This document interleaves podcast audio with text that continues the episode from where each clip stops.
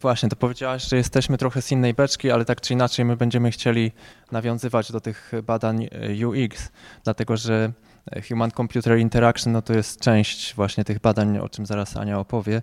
I będziemy się skupiać na metodach psychofizjologicznych i elektrofizjologicznych e, w badaniu właśnie Human Computer Interaction, ale też będziemy się skupiać na e, takich działkach HCI, czyli na przykład tutaj macie Human Chatbot Interaction i Human Robot Interaction. Na początku Ania zrobi małe wprowadzenie do tego tematu, potem omówi badanie, które przeprowadzaliśmy e, w ramach HCI, badanie stron internetowych Następnie opowiemy trochę o naszych badaniach Doliny Niesamowitości i czym w ogóle ta dolina jest.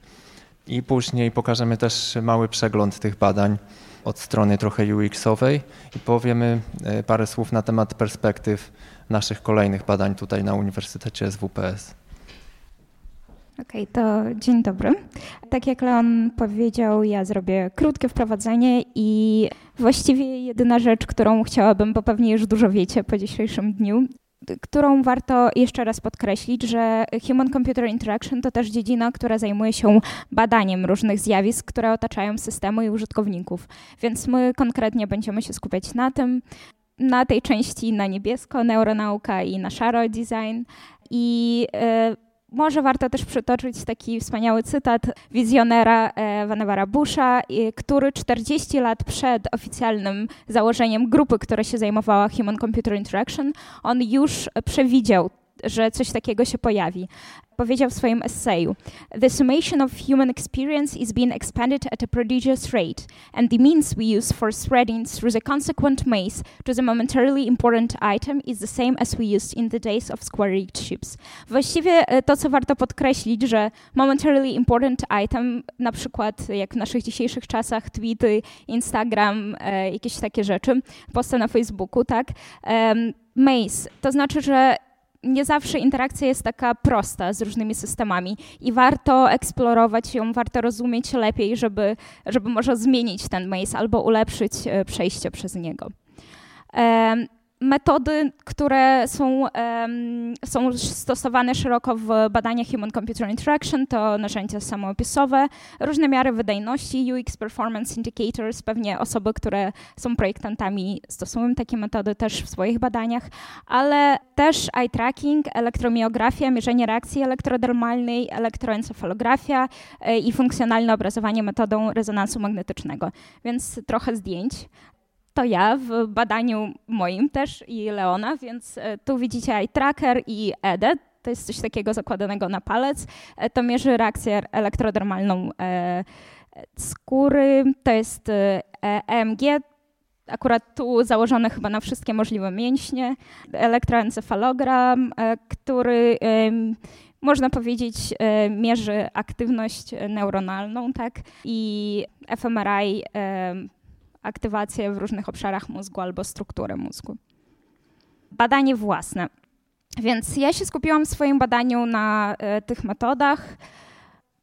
Badane aspekty interakcji to była wydajność, możliwość uczenia się. Aha, e, generalnie aspekty interakcji, które można badać, to jest wydajność, możliwość uczenia się, użyteczność, estetyka, obciążenie poznawcze, odczuwane emocje i satysfakcja. W moim przypadku e, zajmowałam się tylko tylko e, wydajnością, użytecznością, estetyką, obciążeniem poznawczym, e, odczuwanymi emocjami i satysfakcją. E, dlaczego właściwie warto badać różnice indywidualne? Tu warto też przytoczyć cytat. The unified internet which is not suited to users' profiles can be compared to modern Tower of Babel which was built by people using a single language. Internet, który nie uwzględnia różnice międzyosobowe, tak, między nami, e, nie jest dostosowany konkretnie do potrzeb użytkowników, więc e, tworzenie takiego internetu albo też narzędzi różnych, które są dostosowane, e, powinno być pewnie celem każdego z nas. W moim badaniu skupiłam się na pokoleniu Z i millennialsach. Pokolenie Z to są osoby, e, które są, star, e, które są młodsze. E, teraz mają mniej więcej, w moim badaniu średnia była 20 lat i milenialsi to są osoby, w moim badaniu to było średnia 35 lat. I nawet między takimi osobami były różnice, ale o tym opowiem za sekundę. Więc chciałam zrozumieć różnice we wzorcach interakcji z różnymi stronami internetowymi i satysfakcję między osobami z pokolenia Y i Z i osobach o różnych poziomach, poziomach cechy poszukiwania wrażeń. Więc wykorzystałam też psychometryczne narzędzie w badaniu UX-owym tak jak wcześniej powiedziałam, w moim badaniu skupiłam się na elektromiografii i mierzeniu, mierzeniu e, aktywności elektrodermalnej, eye trackingu też. Efektywność i poprawność również mierzyłam. Stron, 10 stron e, były prezentowane użytkownikom. E, to były strony znanych uczelni. E, teraz opowiem, dlaczego uczelni. I osoby miały zadanie poszukiwania informacji, opłata za studia i też first click task, więc znaleźć po prostu action button i zaaplikować na studia i oceniali użyteczność, estetykę, obciążenie poznawcze i emocje odczuwane w trakcie po każdym zadaniu, ale na początku oceniali też pierwsze wrażenie i na końcu oceniali satysfakcję po interakcji. E, czemu e, strony internetowe uczelni? E, też zrobiliśmy krótkie badanie i okazało się, że 70, dla 76% badanych to jest pierwszy problem, który wymieniają jakby poszukiwanie informacji na stronie. To jest pierwszy problem, który użytkownicy wymieniają. To jest po prostu niemożliwe. Więc średnia liczba stron to jest 4, więc mniej więcej jakby na większości stron da się wszystko znaleźć w, w 4 kliki, ale e, maksymalnie czasami użytkownicy potrzebują 10 stron, żeby znaleźć jakąś informację, więc to jest też strasznie dużo. Bounce rate to jest pewnie większość już wie, ale powtórzę, to jest liczba użytkowników, która po prostu wychodzi ze strony bez dalszej eksploracji i takich jest, średnia to jest 50, około 46%, a maksymalna to jest nawet 70%, więc 70% użytkowników wchodzą na stronę i wychodzą z niej od razu. Uczelni, tu akurat mówię o uczelniach. 31% mm, użytkowników są z pokolenia Y, więc osoby, które mniej więcej są w wieku 30 lat i Generation e, Z są 25% e, e, użytkowników stron internetowych. Tu są wykresy, które pokazują to mniej więcej. Możecie zobaczyć, że ten ogonek stron, tak jak mówiłam, jest około 10 nawet czasami. I bounce rate też jest strasznie wysoki w przypadku niektórych stron. Więc co warto powiedzieć o wynikach, to jest to, że e, satysfakcja użytkowników e, z młodszego pokolenia jest wyższa e, niż z pokolenia osób mniej więcej w wieku 30 lat. Tak? Też osoby z pokolenia Y, z millennialsów, e, niżej ocenili e, strony na skali użyteczności i też mieli wyższe obciążenie poznawcze w interakcji ze stronami tak jak powiedziałam, niższą satysfakcję. Ciekawe, że e, ze wszystkich metod, które wykorzystałam, eye tracking był najbardziej skutecznym. Pomagał przewidzieć, stworzyłam model regresji liniowej i model regresji liniowej z średnią długością fiksacji jako predyktorem, więc zmiana, którą wzięłam z trackingu, on był lepszy, miał wyższą moc predykcyjną, wyjaśniał więcej wariancji niż model tylko ze zmiennymi deklaratywnymi, które zazwyczaj są mierzone w, w badaniach UX-owych pewnie. E, I e, ciekawa rzecz to jest to, że nie wiem, czy można tak pokazać. O, dobra, to jak widzimy, to jest linia, która pokazuje pierwsze wrażenie. Ta na niebiesko, ta różowa pokazuje satysfakcję po używaniu strony. I tylko w przypadku jednej strony e, użytkownicy oceniali satysfakcję po interakcji wyżej niż pierwsze wrażenie. Jakby w przypadku tej strony to było nieistotnie różnie, a w przypadku tej właśnie wyżej. Więc e, interakcja ze stroną tylko w przypadku jednej strony była na tyle dobra, że ocenili ją wysoko na koniec. E, I jakby zaczęłam się zastanawiać, dlaczego. E, możemy zobaczyć tu, że w przypadku tej strony Najwyższy, najwyżej było usability i najniższe obciążenie poznawcze, więc te zmienne mogą rzeczywiście odgrywać bardzo ważną rolę w, w jakby w interakcji użytkowników z systemami. E, I teraz quiz. E, która strona, jak myślicie, była właśnie wyżej oceniana po interakcji. Pierwsza czy druga? Kto za pierwszą? E, jedna osoba. Teraz trzy. Okej. Okay. Okej. Okay. E, dobrze, to ta strona jednak wygrała, pierwsza strona. Ona była właśnie tą stroną, którą wyżej oceniali po interakcji. Pewnie e, w przypadku tej strony też bardzo dużo użytkowników, ona była bardzo skomplikowana i użytkownicy po prostu e, rezygnowali z interakcji bardzo często, więc taka skomplikowana. Dobrze, to przekazuję Lon.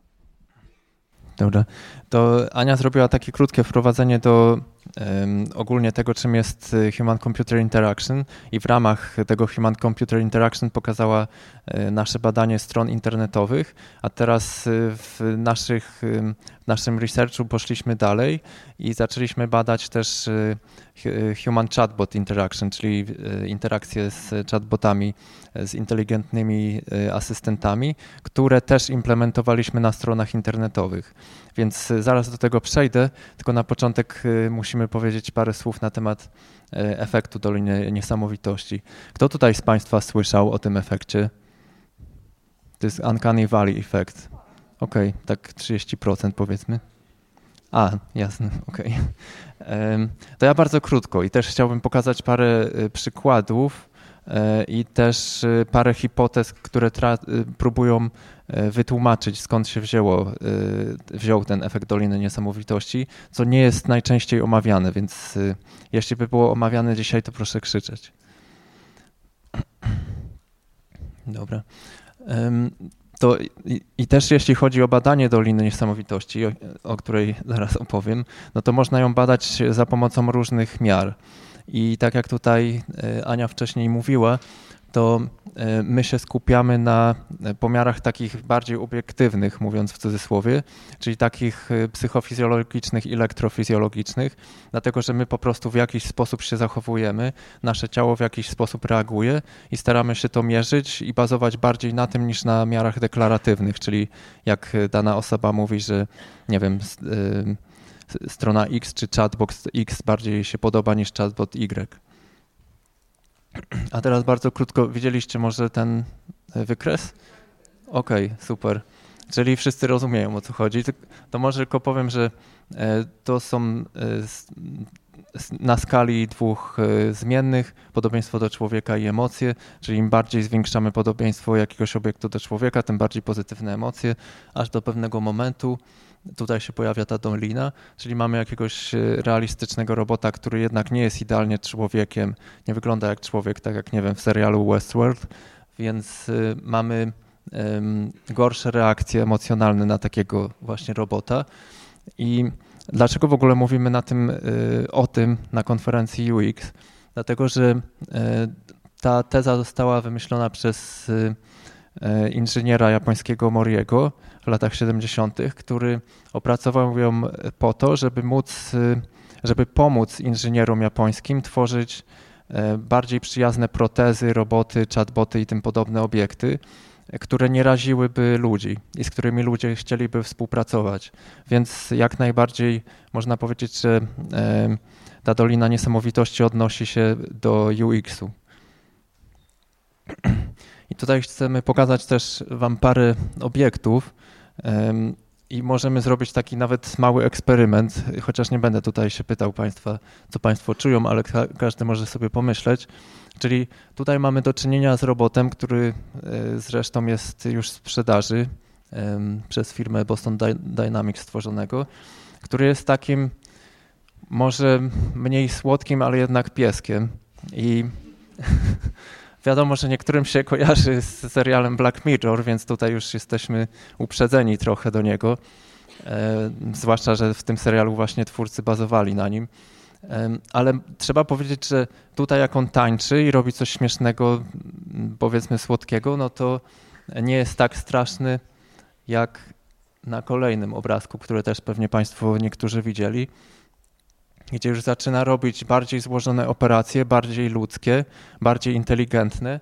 I tutaj w reakcji na ten filmik, no to niektóre osoby w internecie mówiłeś, że to już zbliża się czas apokalipsy, bo roboty już tyle potrafią. No właśnie. Czyli tutaj zwiększamy taką funkcjonalne podejście, takie funkcjonalne pod, podobieństwo do człowieka, prawda? Czyli umiejętność otwierania drzwi.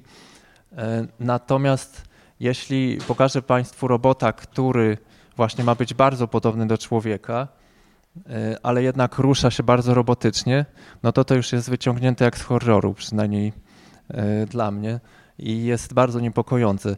Można sobie wygooglać też to, te roboty, bo to też jest Boston Dynamics, gdzie ten robot ma zdjęty kombinezon i, że, i wygląda rzeczywiście jak robot. Więc w takim wypadku on nie jest tak przerażający czy dziwny, e, tak jak tutaj e, na tym obrazku. Teraz skąd mogło się, e, skąd w ogóle się bierze ten efekt? Dlaczego niektóre obiekty sztuczne powodują w nas y, takie negatywne emocje. I tutaj jest wiele hipotez. Na razie nie ma y, ostatecznej odpowiedzi na to. I takimi głównymi hipotezami, chyba omawianymi w literaturze, to jest to, że my się boimy po prostu, że te roboty nas zastąpią w jakiś sposób, ale to, że te roboty są takie przerażające, no to raczej wiąże się z tym, że jest pewien dysonans poznawczy, kiedy na nie patrzymy, czyli właśnie niby wyglądają e, świetnie, ale jeszcze niedoskonale. Niby jak my, ale jeszcze nie do końca. No i tutaj też można e, przywieźć taki przykład. E, nie wiem, czy ktoś oglądał Beowulfa, czy Beowulf. To chyba jest film sprzed kilkunastu lat z Angeliną Jolie i paroma innymi aktorami. Tam ci e, aktorzy normalnie odkrywali sceny, ale potem zostali odtworzeni w CGI, czyli w, za pomocą techniki komputerowej. Już było widać, że to nie są prawdziwi ludzie, tylko właśnie takie obiekty e, stworzone komputerowo. To też mogą sobie Państwo wyszukać, zwłaszcza fragmenty tych filmów, bo, tego filmu, bo na tym filmie rzeczywiście, jeśli patrzymy na tych aktorów, których znamy z rzeczywistości, wiemy jak wyglądają, a jednak są odtworzenie komputerowo, to to zwiększa jakiś e, niepokój, albo przynajmniej to jest dosyć odpychające i być może dlatego ten film okazał się klapą. I parę słów e, w ramach właśnie tej Doliny Niesamowitości i e, jej badań. Razem z zespołem stworzyliśmy takiego chatbota na stronie internetowej, z którym nasi badani wchodzili w interakcję. E, jeśli Państwo interesuje ten temat, to też odsyłam do publikacji. Już mamy chyba trzy na ten temat. I to, co zrobiliśmy, to w czasie interakcji e, użytkowników z tym chatbotem używaliśmy właśnie tych obiektywnych e, pomiarów, czyli tutaj mają Państwo elektromiografię twarzy, czyli coś, co wspominała wcześniej Ania, też reakcję skórno-galwaniczną. Tak, tak, to jest to samo co EDA, czyli elektrotermalne. I to, co zrobiliśmy, to poprosiliśmy część użytkowników, żeby rozmawiali z chatbotem takim prostym, mniej ludzkim i bardziej złożonym awatarem, który się poruszał, e, kiedy jego wypowiedź pojawiała się na ekranie, plus jeszcze czytał tę wypowiedź, czyli był taki e, najbardziej ludzki e, z tych dwóch obiektów. I to, co nam wyszło, to rzeczywiście na poziomie tych y, pomiarów obiektywnych, ale nie tylko, bo też deklaratywnych, y, o wiele bardziej ten chatbot z awatarem, ten bardziej ludzki, on y, irytował użytkowników. Rzadziej też użytkownicy chcieli z nim wchodzić w interakcję. Ta interakcja była krótsza, więc można wyciągnąć taki wniosek, że ten bardziej złożony chatbot rzeczywiście wpadał w tę dolinę niesamowitości, czyli jakbyśmy chcieli sobie rozrysować, gdzie ten chatbot się pojawiał, no to nasza hipoteza jest taka, że ten tekstowy cieszył się dosyć e, dużą uwagą użytkowników, natomiast ten e, awatar już jednak e, wpadał właśnie w tę dolinę niesamowitości i użytkownicy nie chcieli z nim wchodzić w interakcję. I teraz Ania opowie o naszym, o naszym innym projekcie, czyli też dotyczącym Doliny Niesamowitości, ale już przeglądzie e, badań takich obiektywnych z użyciem e, metod neuronaukowych tej Doliny Niesamowitości. Dobrze, to trochę więcej na ten temat. Zrobiliśmy przegląd literatury, bo okazało się, że ten efekt w niektórych badaniach nie był potwierdzony. Niektóre badania wykazały, że ten efekt jest trochę inny. To nie jest taka dolina, to może być po prostu odwrócona dolina albo nawet y, zupełnie inne kształty. E, okazało się, że efekt doliny niesamowitości został potwierdzony w badaniach e, na małpach, w badaniach niemowlaków, e, w badaniach zdrowych dzieci w porównaniu do dzieci z autyzmem i zdrowych dorosłych. Więc to jest dosyć dobrze przebadany efekt. I chciałabym przedstawić parę parę innych ciekawych badań, które wybraliśmy. Więc to jest badania e, z eye trackerem i osobami badanymi były małpy. To jest uncanny, więc twarz, e, która e, charakteryzuje się efektem Doliny Niesamowitości. To jest realna małpa i to jest małpa, która jest computer generated, nierealistyczna, tak? Długość trwania fiksacji, więc czas, który małpy patrzyły na, na twarze innych małp. Dla e, tej małpy, która charakteryzowała się efektem Doliny Niesamowitości, była, był najkrótszy, tak? Więc małpki też nie chciały za bardzo patrzeć na takie dziwne stwory. Okazało się też, że w badaniach niemowlaków podobny efekt uzyskano w przypadku pokazywania morfa stworzonego z twarzy matki i ze twarzy nieznajomej osoby. E, niemowlaki patrzyły najmniej na takie morfy, które właśnie były stworzone z twarzy matki i nieznajomej osoby w porównaniu do twarzy matki i w porównaniu do twarzy nieznajomej osoby. Więc ten efekt istnieje nawet u takich małych dzieciaków w wieku, nie wiem, 9-12 miesięcy. Chociaż też są inne wyniki, które pokazują, że dzieci najbardziej lubią patrzeć na coś nieznajomego, tak, na które są dla nich nowym obiektem, więc w tym przypadku najbardziej się skupiali na robocie. E, w przypadku dorosłych to jest badanie z elektroencefalografią e, i tylko może krótko powiem, że taki potencjał, który, który od, które jakby pojawia się, jak mamy e, niespełnione oczekiwania, ten potencjał niezgodności w naszym mózgu, jego amplituda, może opowiem o tym badaniu, więc w tym przypadku to jest robot z mechaniczną twarzą i z, mechanicznymi, e, z mechanicznym poruszaniem się. E, to jest osoba, która ma ludzką twarz i ludzkie ruchy, tak? E, I to jest android, który ma ludzką twarz, ale ma niespójne ruchy, które są robotyczne, tak? Więc w przypadku tego badania amplituda tego potencjału była najwyższa dla dynamicznej, e, dynamicznego warunku w porównaniu do statycznego, gdzie nie było widać tych ruchów, tak? Więc mamy taki potencjał niezgodności w przypadku e, Androida.